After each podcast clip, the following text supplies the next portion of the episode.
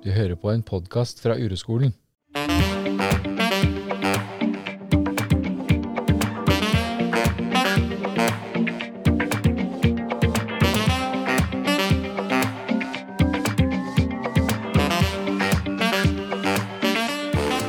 Du hører nå på podkasten Helt sant med Siv Ekro og Kaspar Scheip.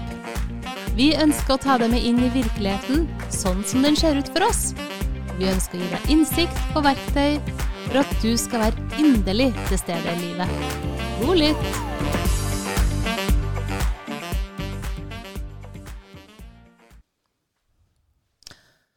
Så bra.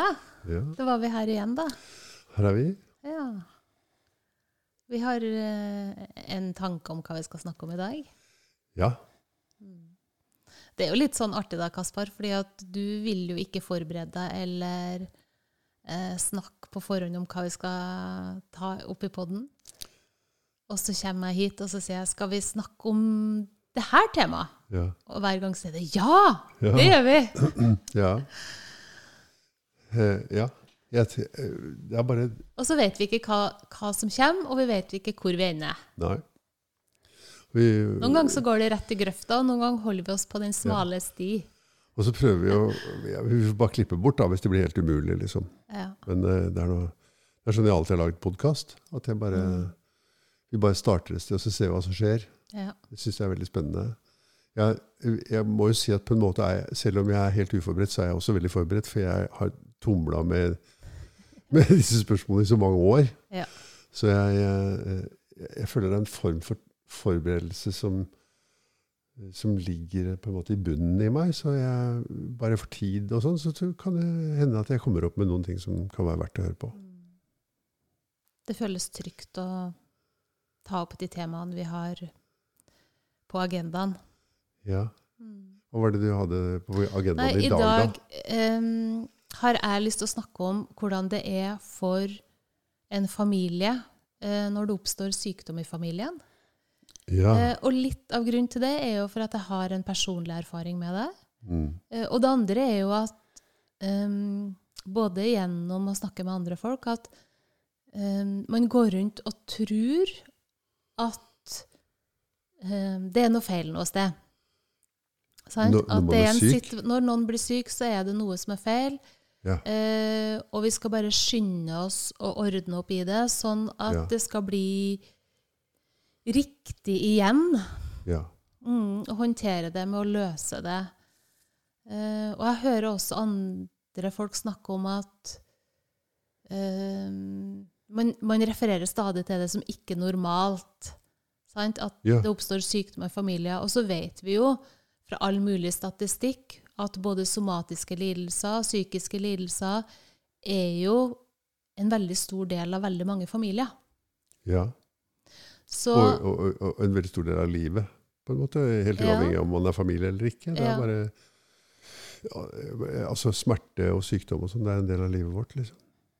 Mm. Og sånn sett så tenkte jeg at um, det å kunne snakke om det på en sånn måte at folk kan kjenne seg igjen i det, uh, og, og at vi tar opp et tema for å normalisere, som vi har, snakket, som vi har gjort i fler, rundt flere tema, da. Mm. At um, det er ikke noe feil her. Sånn er livet. Livet er i stor grad utenfor vår kontroll. Det er uforutsigbart. Og det kommer med utfordringer, oppturer, nedturer. Um, og at det er variabelt.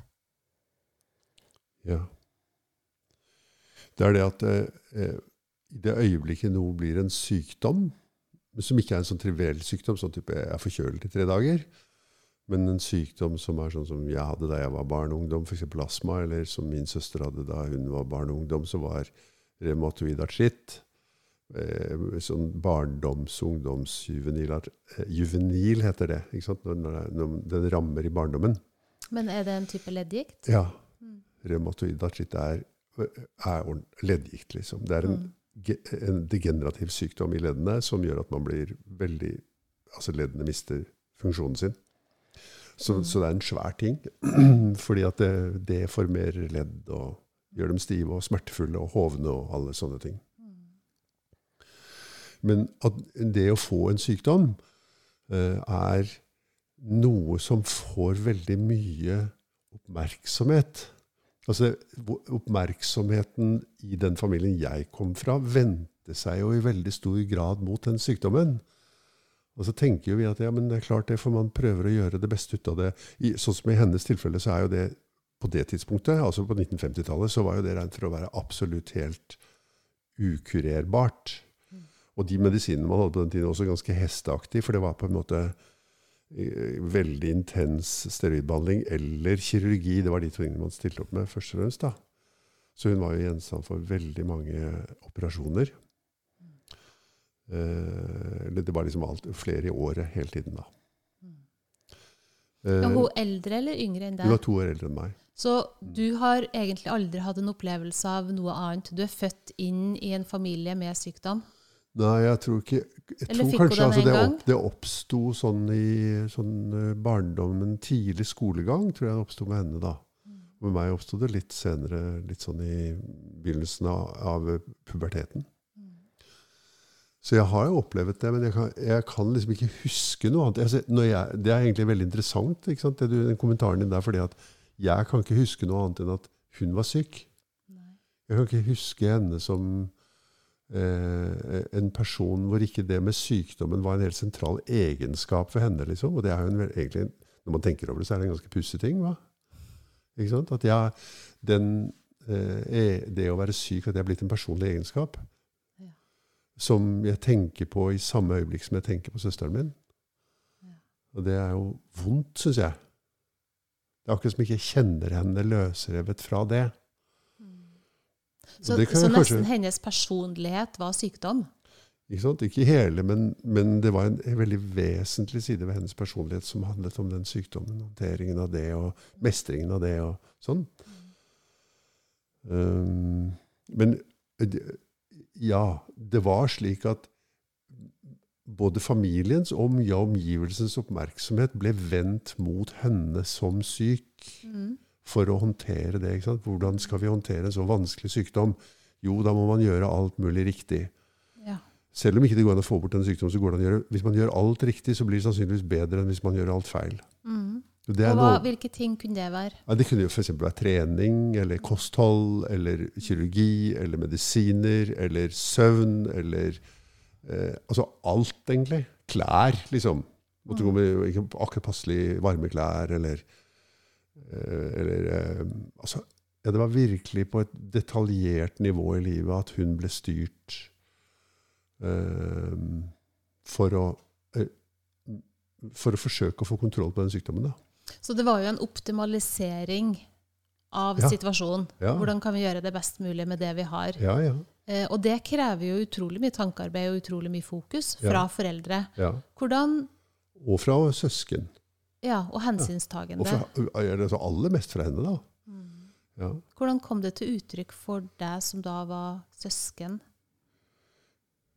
Um, Hvordan tror du det har forma deg? altså jeg tror det har hatt veldig stor betydning i livet mitt. For jeg føler, En veldig veldig sterk opplevelse for meg med henne var at det var noe feil med henne, og at det hadde noe med meg å gjøre. Og at det var mitt ansvar også at det skulle gå mest, best mulig. Eh, og at når det gikk dårlig, så kjentes, var det en veldig veldig dårlig følelse i meg. Mm. Og det gikk, dette er en sykdom som går i sånne bølger. Og, og em, når det gikk dårlig, så husker jeg det som veldig smertefullt. Veldig, at jeg ville bort. At jeg, jeg, eh, jeg klarte liksom ikke å være i nærheten av det. Jeg, jeg, for eksempel så har jeg eh, veldig klare erfaringer av eh, av skrekkaktige opplevelser fra sykehuset. Da, jeg opplevde jo ingenting skrekkaktig på sykehusene som hun var på. Men bare min opplevelse av å gå inn på sykehuset og kjenne lukten på sykehuset sånn, var så preget av angst og uro. eh, uten at jeg egentlig visste at det var det. Jeg bare syntes det var intenst ubehagelig og, jeg, og en pine å være der. Og da følte jo jeg veldig skyld for det også. For det er jo noe feil med meg. Jeg klarer ikke engang å være der for søsteren min når hun ligger på sykehuset. Så det var, hadde, så, som du skjønner, så er dette, dette har jo store eh, følelsesmessige implikasjoner for søsknene. da. Mm. Og, og det er, vil jo også være forskjellig for de forskjellige søsknene. Jeg har jo også en bror, og for han, han forteller jo andre ting om dette enn jeg forteller. Hva forteller han? Nei, det, det kan jeg ikke gjenta så mye om, men jeg tror at hans opplevelse av å føle seg skyldig for det, var, var svakere enn min. Det er mitt inntrykk, da. Mm. Så dere tok ulike roller? Ja, tok tror det. ansvar? Ja, jeg tror det. Det gjør man jo i livet. Det gjør jo søsken alltid, og, Alltid. og i- også i en sånn sammenheng. Mm. Denne eh, sykdommen, den, den, den lå helt i for, hele tiden i, fami, i familielivet, så lå den i forgrunnen da, som Mm. en veldig sterk eh, dirigerende kraft. Eh, det må jeg si. Eh, og, Var det det som la lista for på en måte familiens aktivitet, familiens Ja. eh, Hva gjorde man på fritida, Ja. Altså, Ja. Var dette en sånn markør da, Ja, for hva man kunne og ikke kunne? ja, ja. Klart det. Og hva vi kunne gjøre sammen, og hva vi måtte gjøre hver for oss, og mange forskjellige sånne ting. da. Eh, um,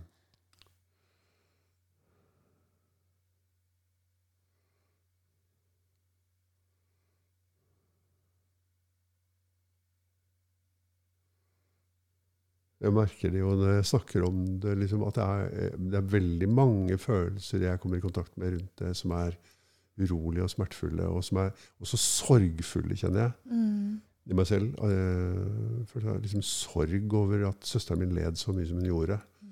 Og at uh, det var så strevsomt. Det var et så strevsomt liv. Det tror jeg hadde veldig stor betydning i livet mitt. egentlig. Liksom at, at jeg har begynt å tro på at livet er veldig strevsomt. da.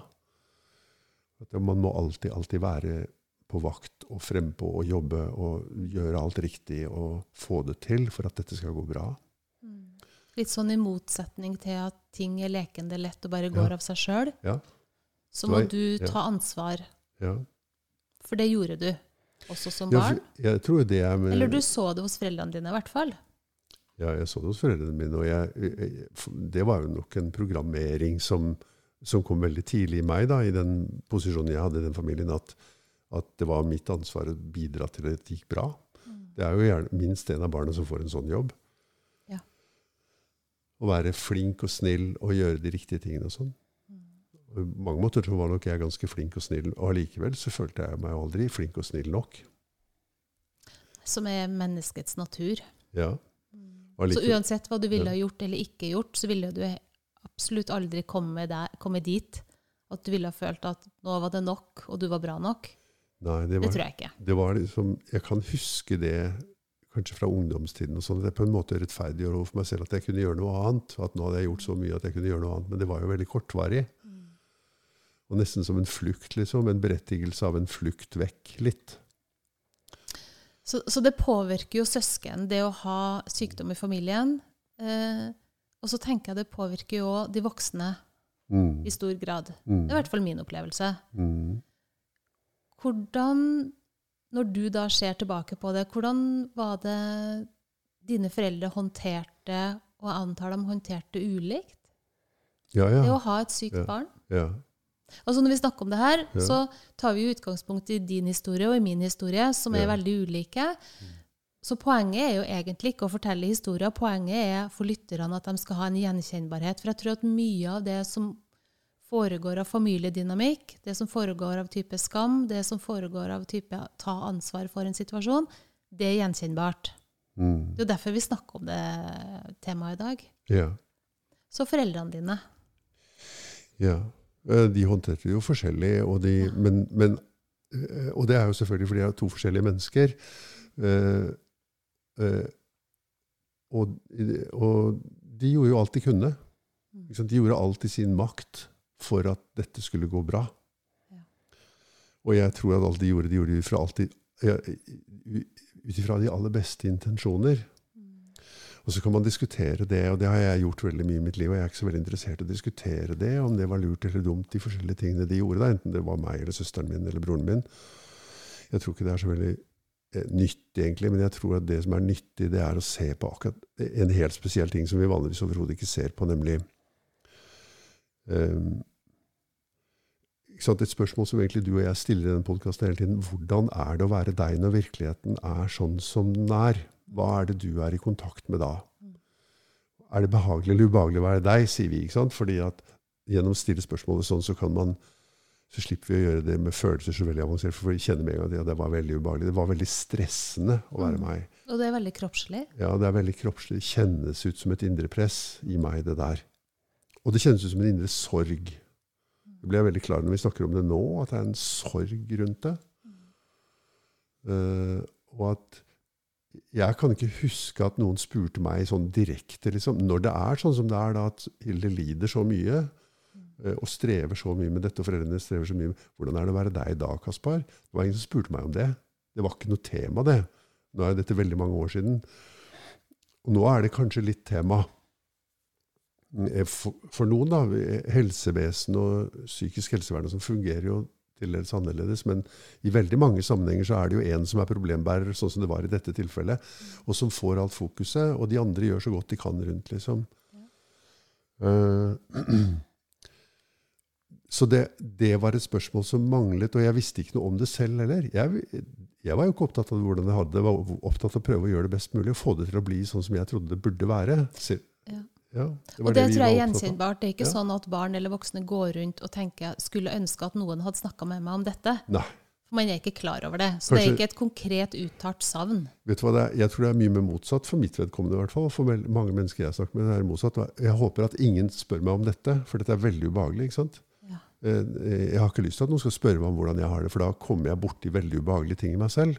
Det er mye tross alt enklere å leve livet sitt og prøve å gjøre så godt man kan det er en helt standard programvare, en helt standard strategi da, i mm. møte med smerte. Og ha fokus et annet sted. Ja, ha fokuset der ute. Så det er et problem der borte det skal vi løse. Mm. Istedenfor hvordan er det å være meg når jeg skal det? Mm. Hvordan er det å være meg når jeg er forelder til et sykt barn? Ja. Hvordan er det å være meg når jeg er søsken mm. til et sykt barn? Mm. Hvordan er det å være meg når jeg har en forelder som er syk? Mm. Og det da får plass som At man får tid og anledning til å undersøke det. Jeg må jo si det at Hvis jeg, noen hadde spurt meg om det da, så tror jeg ikke jeg hadde, jeg hadde ikke kunnet svare på det. Jeg hadde trengt hjelp til, og tid til å finne Ja, hvordan er det egentlig? Det har jeg aldri tenkt på. Nei. Uh, jo, det er greit, det. Jeg er bare så glad for at det ikke er meg som er syk. Mm, det går fint. Ja, det går fint. Mm. Uh, så, det er, så det er virkelig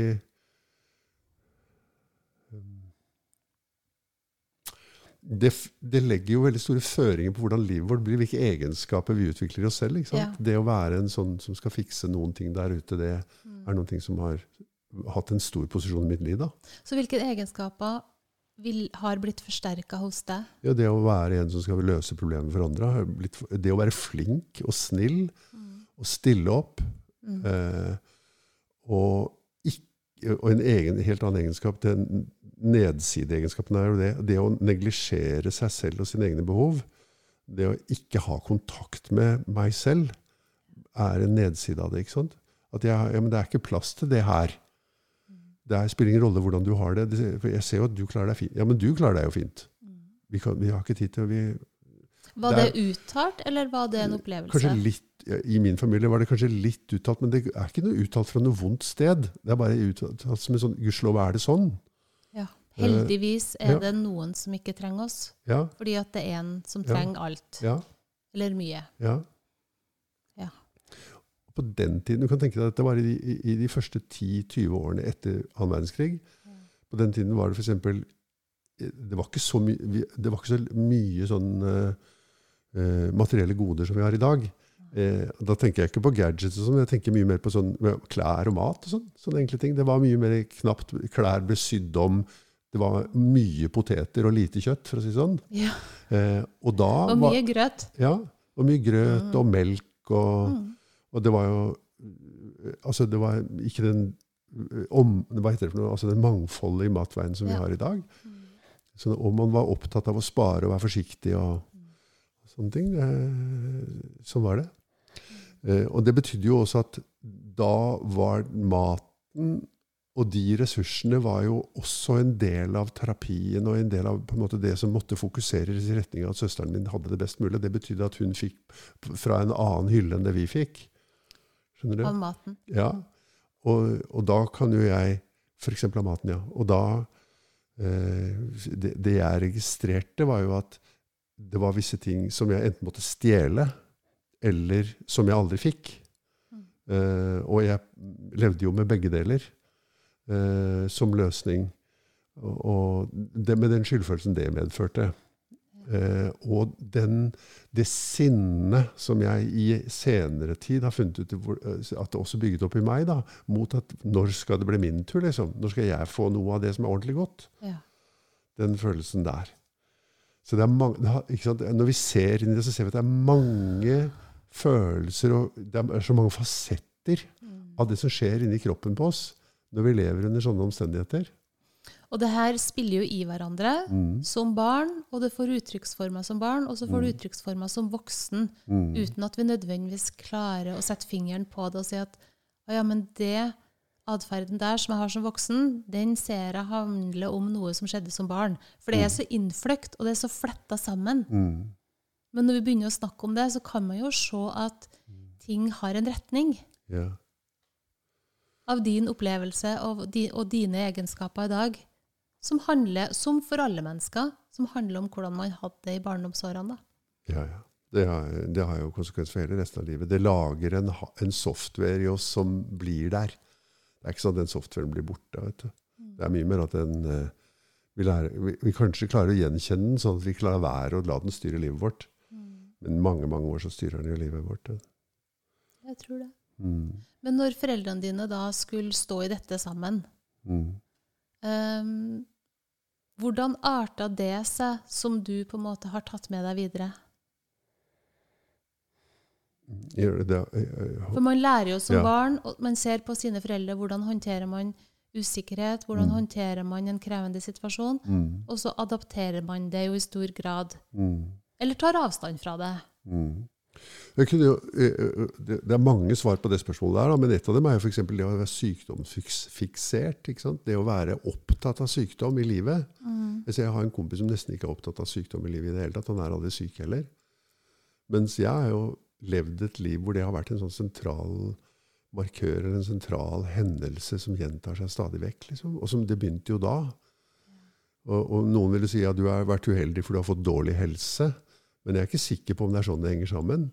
At, er, at jeg har noe med oppmerksomheten å gjøre. At sinnet mitt er trent i å være gira mot det, liksom. Eh, Så det er jo én side ved det. At, eh, eh, det, at, det, er så, at det å være forkjøla for eksempel, er en viktig ting, istedenfor at det er en helt uviktig ting. Skjønner du? Ja. Sånne banale ting, da. Eller at, at det er, og det tror jeg egentlig handler sammen med at sykdom for meg inneholder ganske stor grad av Altså, det trigger uro. Det trigger Ja. angst, det trigger hjelpeløshet, det trigger skyldfølelse, det trigger sånne ting. Så det er jo ett svar på det. Og en annen, et annet svar på det er eh, en følelse i meg om at mine foreldre eh, syns at dette er veldig vanskelig, og at det er også vanskelig dem imellom rundt det. Altså hvordan skal vi håndtere dette? At det blir gjenstand for gjensidig kritikk mellom dem, som var smertefull, eh, og som jeg på en måte ble en del av. Fordi at det blir jo blir man som barn. Ja. Man blir viklet inn i den samtalen som er mer eller mindre vennlig om skal vi gå til høyre eller venstre. Det er ikke mulig å ikke være en del av det. Nei. Hvis du er en del av en Ja. familiekonstellasjon, Ja, og det er vi jo. så kan du ikke velge å ikke være en del av det. Nei. Så, så det ubehaget der, det kjenner jeg også veldig tydelig. da, at det, her er det, det, er, det, er, det er et farlig lende, rett og slett. Det er veldig fort gjort å bli kritisert. Det er veldig fort gjort å, å være den som har skylda for at det ikke ble sånn som det burde blitt. Ja. Det er mye frykt og mye eh, trusler som ligger her, på en måte.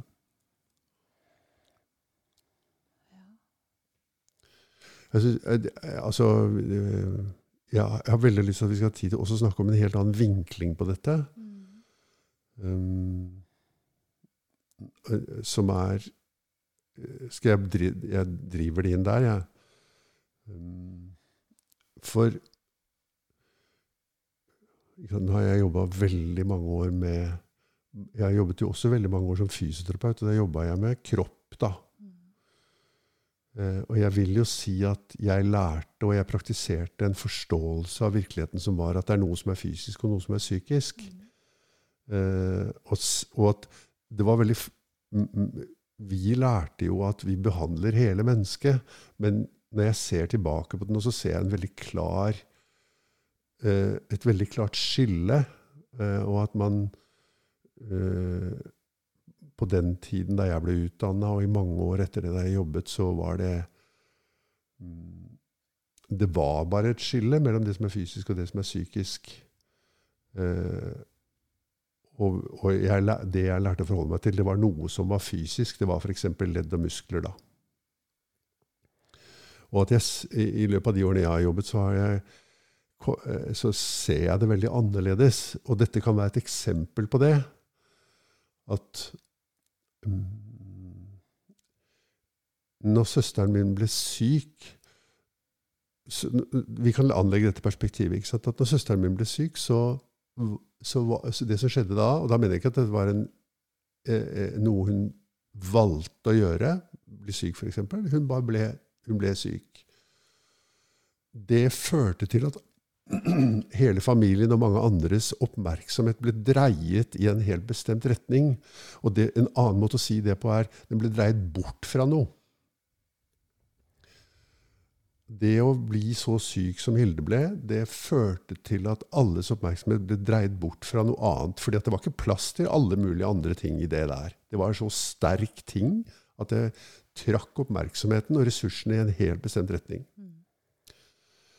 Og det å stille seg det spørsmålet Hva er det sant? I dag så vil jeg stille, jeg stiller spørsmål til klienter stadig vekk om det. Hvorfor er det så viktig for deg å være syk? Eller hvorfor er det så viktig for barnet ditt å være syk? Det spørsmålet stiller jeg. Og, og da ser jo folk rart på meg.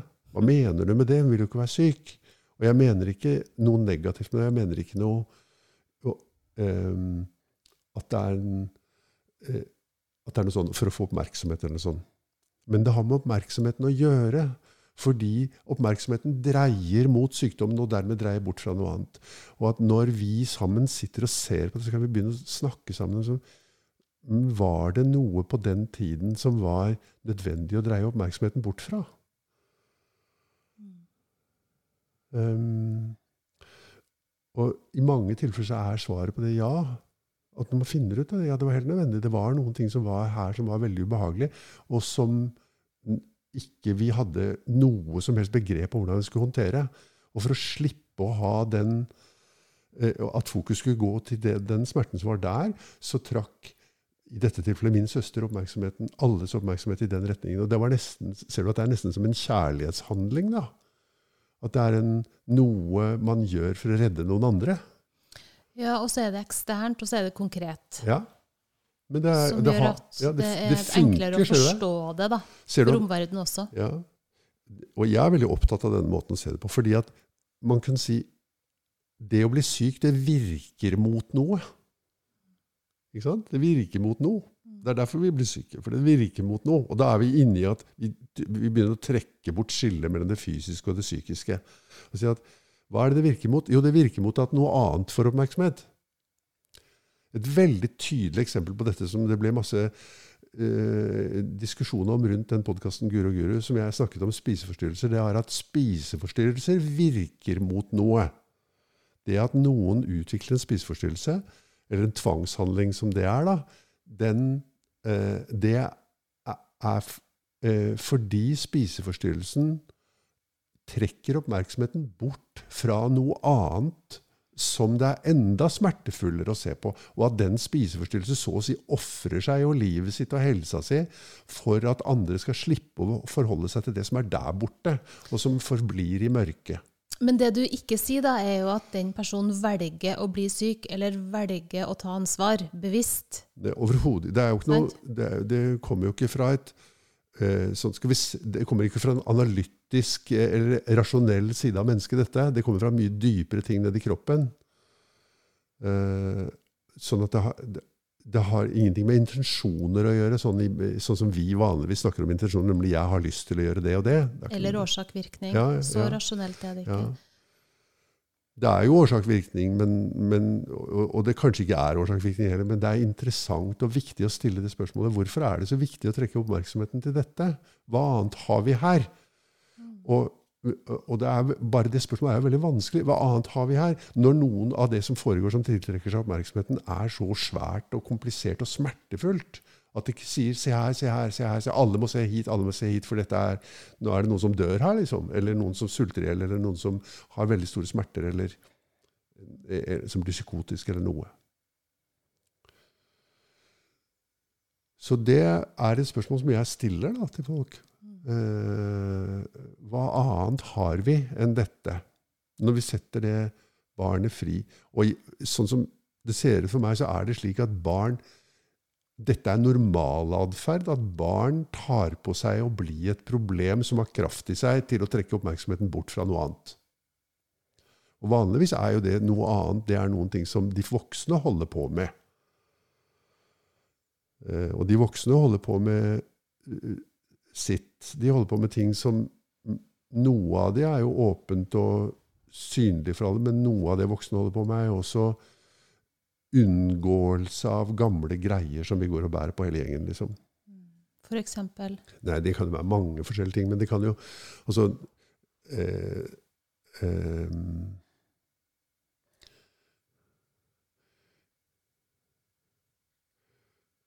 det som går, er det noe som går igjen i dine samtaler med? Det starter på et ganske overfladisk nivå. på en måte. Hvis, du, hvis jeg sier, for Hva annet har vi her? Og så sier La oss si det er en kvinne jeg snakker med. da, En mor og en ektemake. Så snakker jeg med henne, så sier Hva annet har vi her? Og så Gjennom den samtalen så får jeg et klart inntrykk av at hun har det ikke noe bra med mannen sin. Og at hun mener at mannen ikke er en bra mann. Ja. Er Eller, eller mannen kanskje en bra mann, men ikke den rette Ja, ja. mannen. Mm. Ikke min mann. Han er ikke en bra mann for meg. Mm. Ja, altså Alle mulige varianter av det, men at hun har en negativ oppfatning av mannen. Og hvis det er en mann jeg snakker med, så kunne det være akkurat det motsatte. Eh, og da, eh, da er det jo et smerteforhold der borte et sted. ikke sant? Og så har de funnet en mm, Foreldrene har jo funnet en måte å håndtere det at vi har synspunkter eller meninger eller, eller følelser imellom oss som vi lever med, og som er smertefulle. Vi håndterer det på en måte.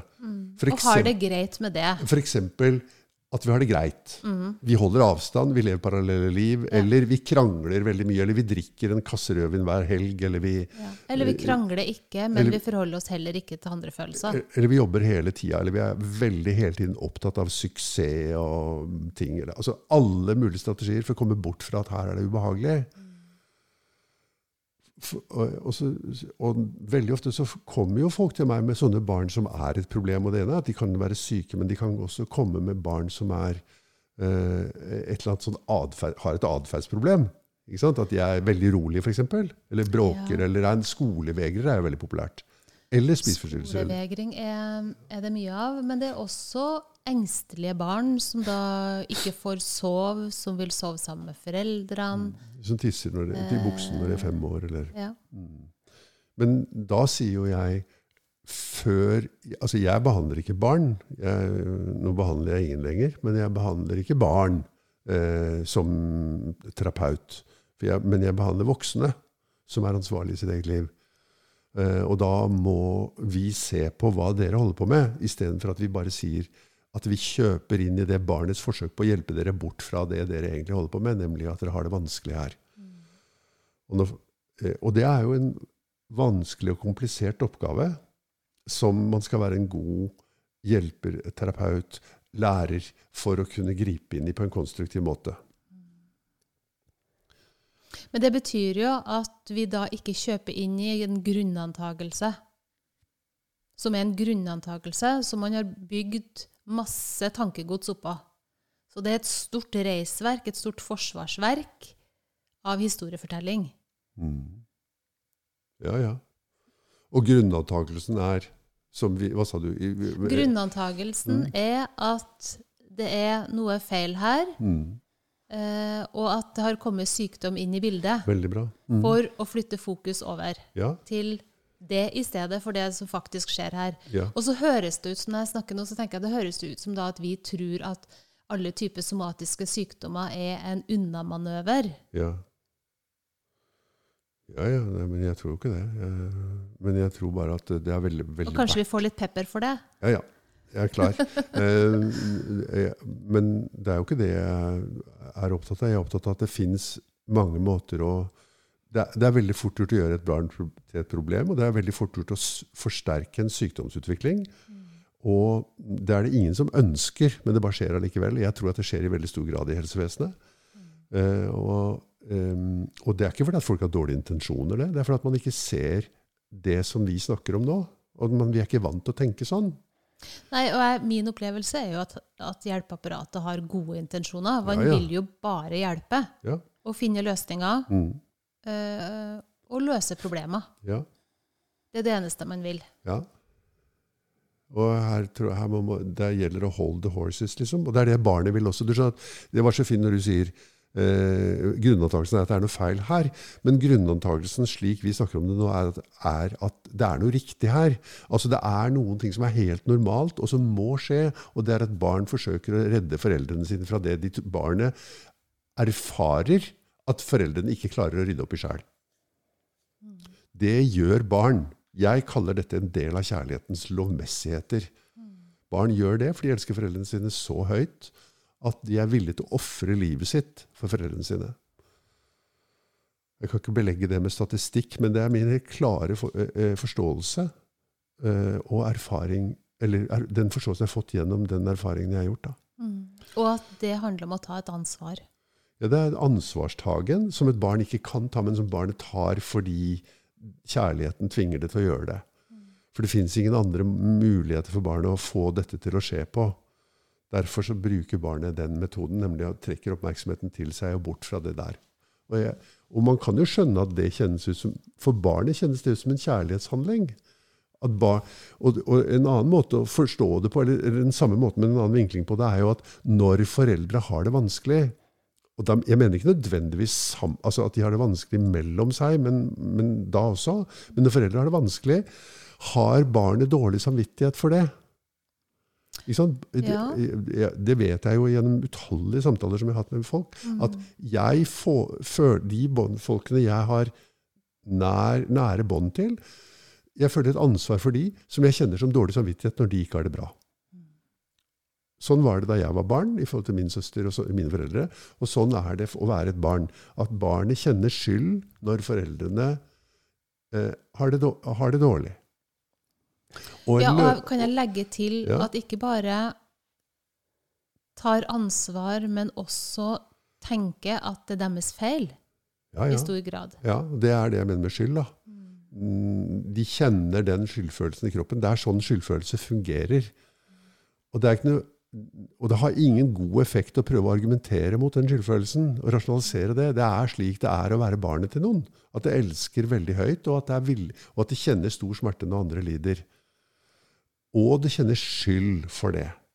Og at, og at barnet da kommer ut av skyldfølelsen ved å ta ansvar. Ser du det? Jo mer ansvar barnet tar, jo mindre skyldfølelse vil barnet føle. Og En av måtene å ta ansvar på er å bli syk, og da vil, jeg føle, da vil jeg jo føle mye mindre skyldfølelse. Men da ser du inn i dynamikken som driver atferden. Og at løsningen på dette er ikke å prøve å kurere barnet for den sykdommen, det er å ta oppmerksomheten tilbake til, der, til de som eier problemet. Og det er ikke barnet, det er foreldrene. Det er foreldre og samfunn som eier denne typen problemer. Som barn i økende grad stiller opp for å løse. Derfor har vi veldig veldig mange barn som er under terapi, hvilket jeg ser på som en veldig dårlig utvikling. Og vi holder fast på det, og vi fortsetter med det i vårt samfunn. Enda bare antallet øker. Og så tror vi at det som skal løse det, er enda mer ressurser.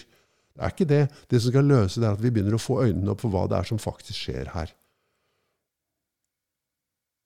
Det er ikke et ressursproblem. Det kommer aldri til å bli nok ressurser til å løse disse tingene på denne måten. Vi må tilbake til foreldrene og si hva er det, hvordan har du det da, vennen min? Ikke som en kritikk, men som en, eh, en mulighet til å se på her. Jeg, og da vil du veldig ofte finne ut at ja, men jeg har det ikke noe bra. Jeg har det jo greit, som du sier. Altså Folk sier jo det til meg, at de har det greit. Greit. Men det er veldig få mennesker som er i livet for å ha det greit, som egentlig er tilfreds med det. Det, er mye, det gjør vondt å ha det greit over lang tid. Må du ty til andre måte, eh, dempende ting for å slippe å kjenne smerten bak og ha det greit. Jeg tror ikke noen mennesker er født inn i verden for å ha det greit, at det er liksom det høyeste nivået. Jeg tror alle, både barn og voksne, har forventninger om noe langt mer og langt mer tilfredsstillende enn eh, sånn helt på det jevne, helt OK, helt greit. Ja. Vi ønsker noe mer ut av livet. Da. ja. Men hvis vi tar den arbeidshypotesen, da, Kaspar, og sier når et barn blir sykt, Mm. så er det for å flytte oppmerksomheten. Eller når barn blir et problem, er det for å flytte ikke sant? Og Sykdom er en av de måtene barn kan være problem på. Så er det for å flytte, tiltrekke oppmerksomheten slik at den ikke faller på noe annet som er verre at den faller på. For foreldrene.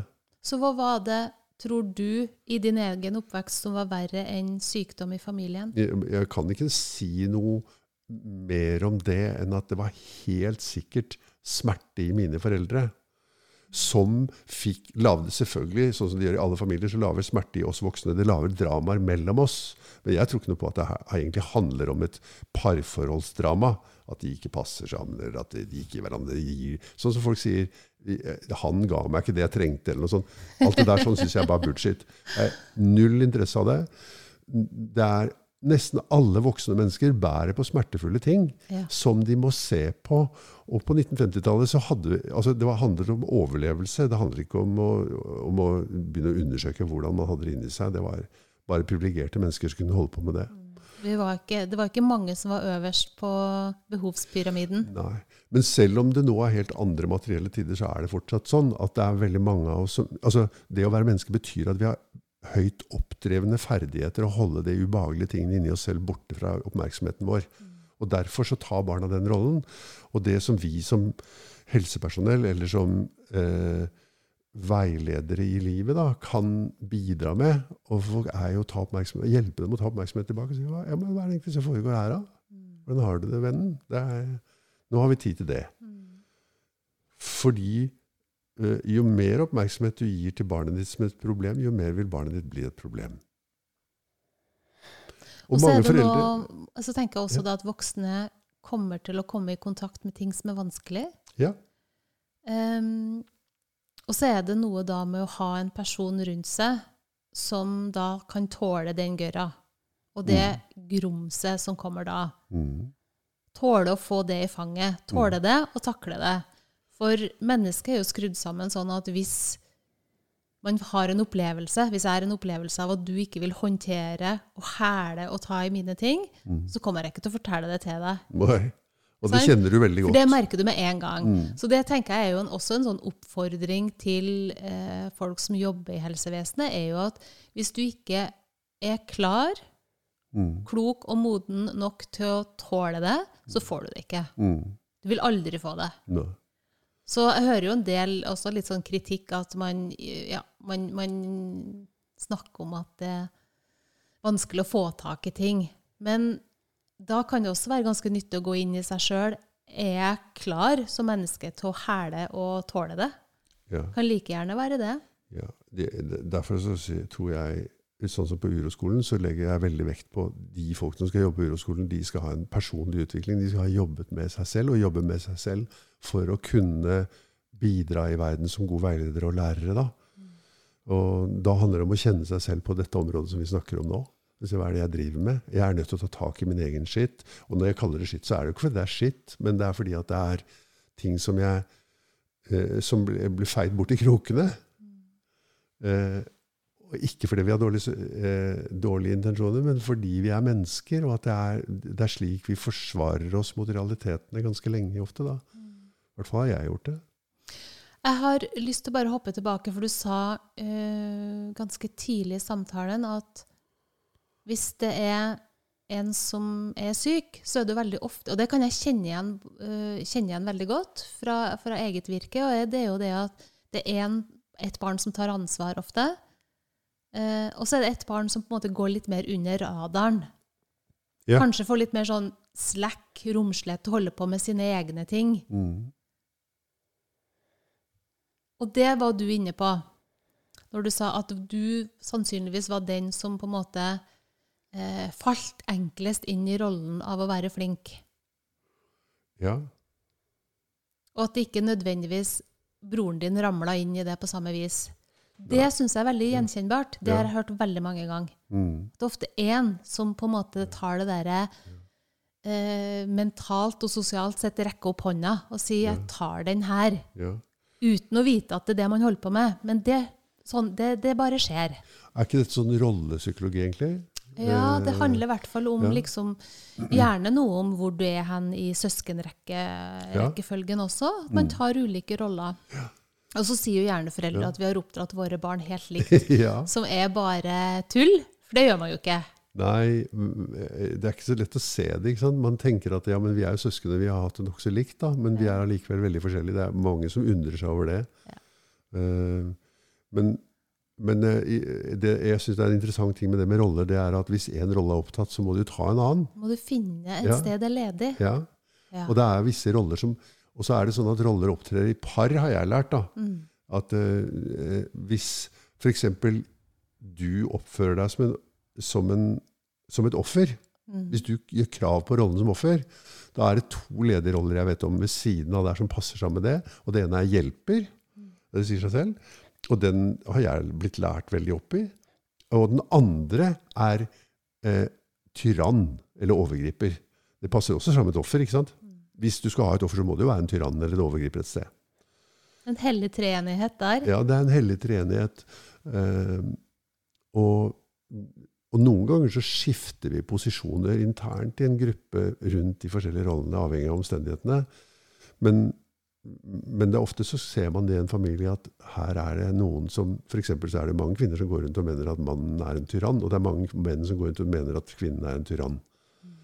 Og da, blir, hva, Hvis jeg mener at kona mi er en tyrann, hvilke to roller har jeg mulighet for å være i da? Og det er ikke sånn at det fins roller som er fri. Roller er gjensidig avhengig av hverandre. Og Det er derfor det er så viktig å bli klar over roller og se finnes det noen mulighet for ikke å være i en rolle, men å leve et spontant og åpent liv uten å være fanget av slike ting som slike begrensninger. da, Som det at jeg må passe på at folk ser at det er meg det er synd på her, f.eks. Men så må du også understreke at de her rollene kan bytte, og de kan være Ja. ulike for ulik situasjon Ja, ja. i en familiedynamikk, da, f.eks. Ja. eksempel. Eller så kan det være sånn at man er i en rolle over tid, og det er også selve mønsteret. Ja. Så jeg, i- min familie sant, Jeg var to år eldre enn broren min, og søsteren min var to år eldre enn meg. Og eh, jeg fikk jo den rollen som den flinke og snille hjelpende sønnen. Ja. Uh, og hvilke roller var det som var ledige for broren min da?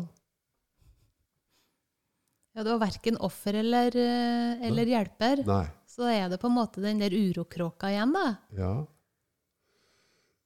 Jeg syns jo, jo ikke det passer helt på broren min, da. Jeg, synes, jeg, jeg, men, jeg, men det jeg syns kanskje passer på han da vi var barn, det var en person som, som på en måte var litt på utersiden av hele det der. Og at han var veldig, en veldig snill og grei gutt, men at han var litt på utersiden av det dramaet. da.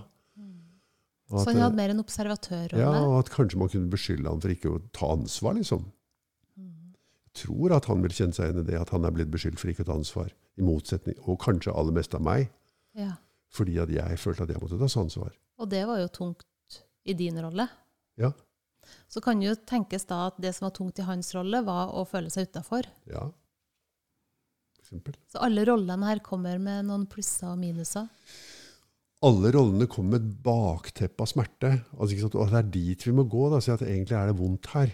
Eh, være i de, og, og at de rollene er et slags sånn billig løsning på den smerten. Det er en løsning som? Det er bare et løsningsforsøk som ikke virker.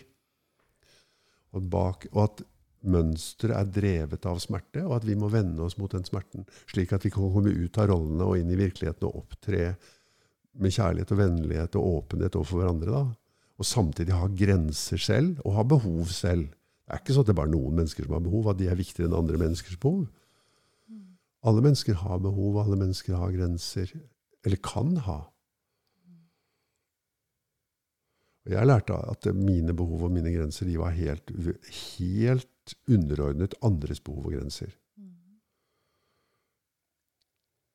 Og det gjorde meg sinna, og det gjorde meg veldig pleasing. At jeg prøvde å behage andre mennesker for å få de smutthullene da, ved å være for ros og sånn. Men det gjorde meg jo ikke åpen og sårbar og sånn. Merker du at, går, at du da i dag går mot anerkjennelse? Vil, hvis jeg ikke er våken, så vil jeg gjøre det. For det er en det er en del av det automatiske preget inn i plata. Liksom. Ja. Mm. Så da gjelder det å våkne opp. Og si å ja, nei, der igjen, liksom. Der har jeg vært før. Han flinke og snille som fikser alt for alle andre. Og som ikke har noen tydelige grenser selv og sier vet du hva, setter ned foten og sier det der er ikke ok for meg. Mm.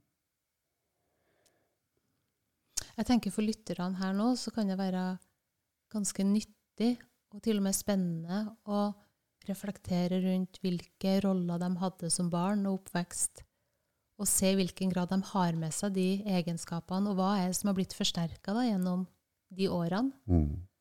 Det er mye læring. Mm. No, og ja. etterpå kjenne etter på kroppen. Og hva har det gjort med følelsene? Mm. Og så syns jeg at det er en veldig nyttig ting alltid å reflektere over for alle mennesker. Det er hvem er det som er problemet i vår familie? For det er, nesten, det er veldig ofte at man er enige om det. Også den som er problemet. Å begynne å reflektere rundt det, observere rundt det, tenke rundt det. Utover de enkle forklaringene. Ja, men han er jo et problem, for han har alltid drukket for mye, eller Eller det, han ble jo syk, eller ja. Hun var jo ustabil. Ja.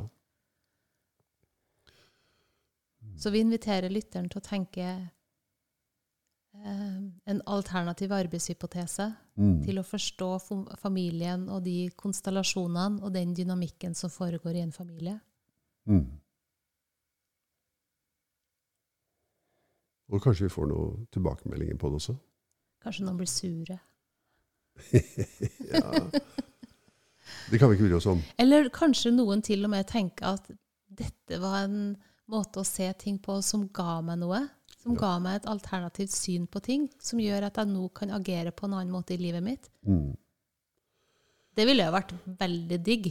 Ja, det ville vært veldig digg, men Det ville vært bra for oss ja. i forhold til vårt behov for anerkjennelse. Ja. Jeg, sant, Når jeg sier Kanskje noen blir sure, sier du. Ja, det kan vi ikke bry oss om, sier jeg. Men i virkeligheten så bryr vi oss om det. Men det er en veldig fin anledning til å trene på å romme den uroen det er når noen mennesker er sur på deg. For mm. de fleste av oss vi syns at det er vanskelig. Og det vekker uro i oss. Mm. Så Får vi øve på det, da? Ja, ja. Det er få, derfor er det fint å få negativ feedback.